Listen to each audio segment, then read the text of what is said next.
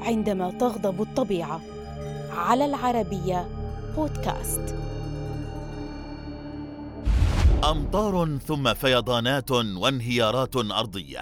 لا شيء قادر على إيقاف عاصفة تمبن التي ألقت بويلاتها على الجزيرة الفلبينية الأكبر مندنا لتخلق واحدة من أكبر مآسي السكان هناك. وتذر ما لا يقل عن 200 قتيل وتشرد الآلاف وتعطل حياتهم. فما القصة؟ في صبيحة الثاني والعشرين من ديسمبر من عام 2017 تعرضت جزيرة مندنا الفلبينية لهطول مطري عنيف. كان إذانا بكارثة لم يتوقعها السكان في بلد يشهد نحو عشرين إعصارا سنويا. فما هي إلا ساعات قليلة حتى تحولت الأمطار إلى سيول واخترقت البيوت والمتاجر لتجبر الأهالي على الخروج بحثا عن مكان لا تصله أنياب العاصفة المشؤومة تمبن مشهد مروع فيضانات واسعة النطاق انهيارات أرضية شقت المرتفعات والجبال وهدمت العمار وضربت الجسور ثم تحولت لمأساة امتدت على مساحة 24 مقاطعة وأوقعت عددا غير محدد من القتلى والجرحى. فيما قالت تقارير إن 266 شخصا لقوا حتفهم.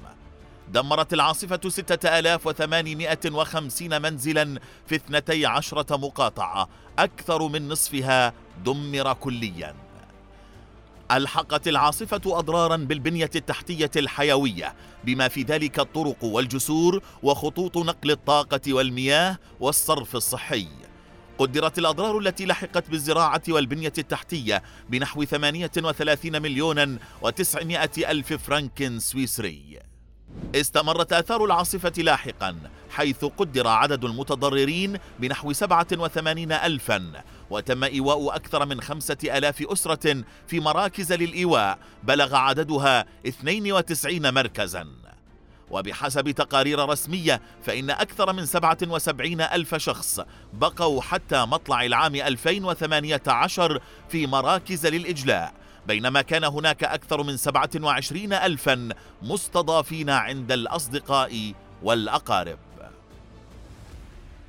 لم تكن عاصفة تمبن الأولى ولا الأخيرة في الفلبين لكن المآسي التي تسببت فيها لسكان هذه الجزيرة المعروفة بأرض الميعاد لطبيعتها الثرية تجعلها واحدة من أكبر الفظائع التاريخية التي مرت على المنطقة التي لطالما عانت من النزاعات والكوارث.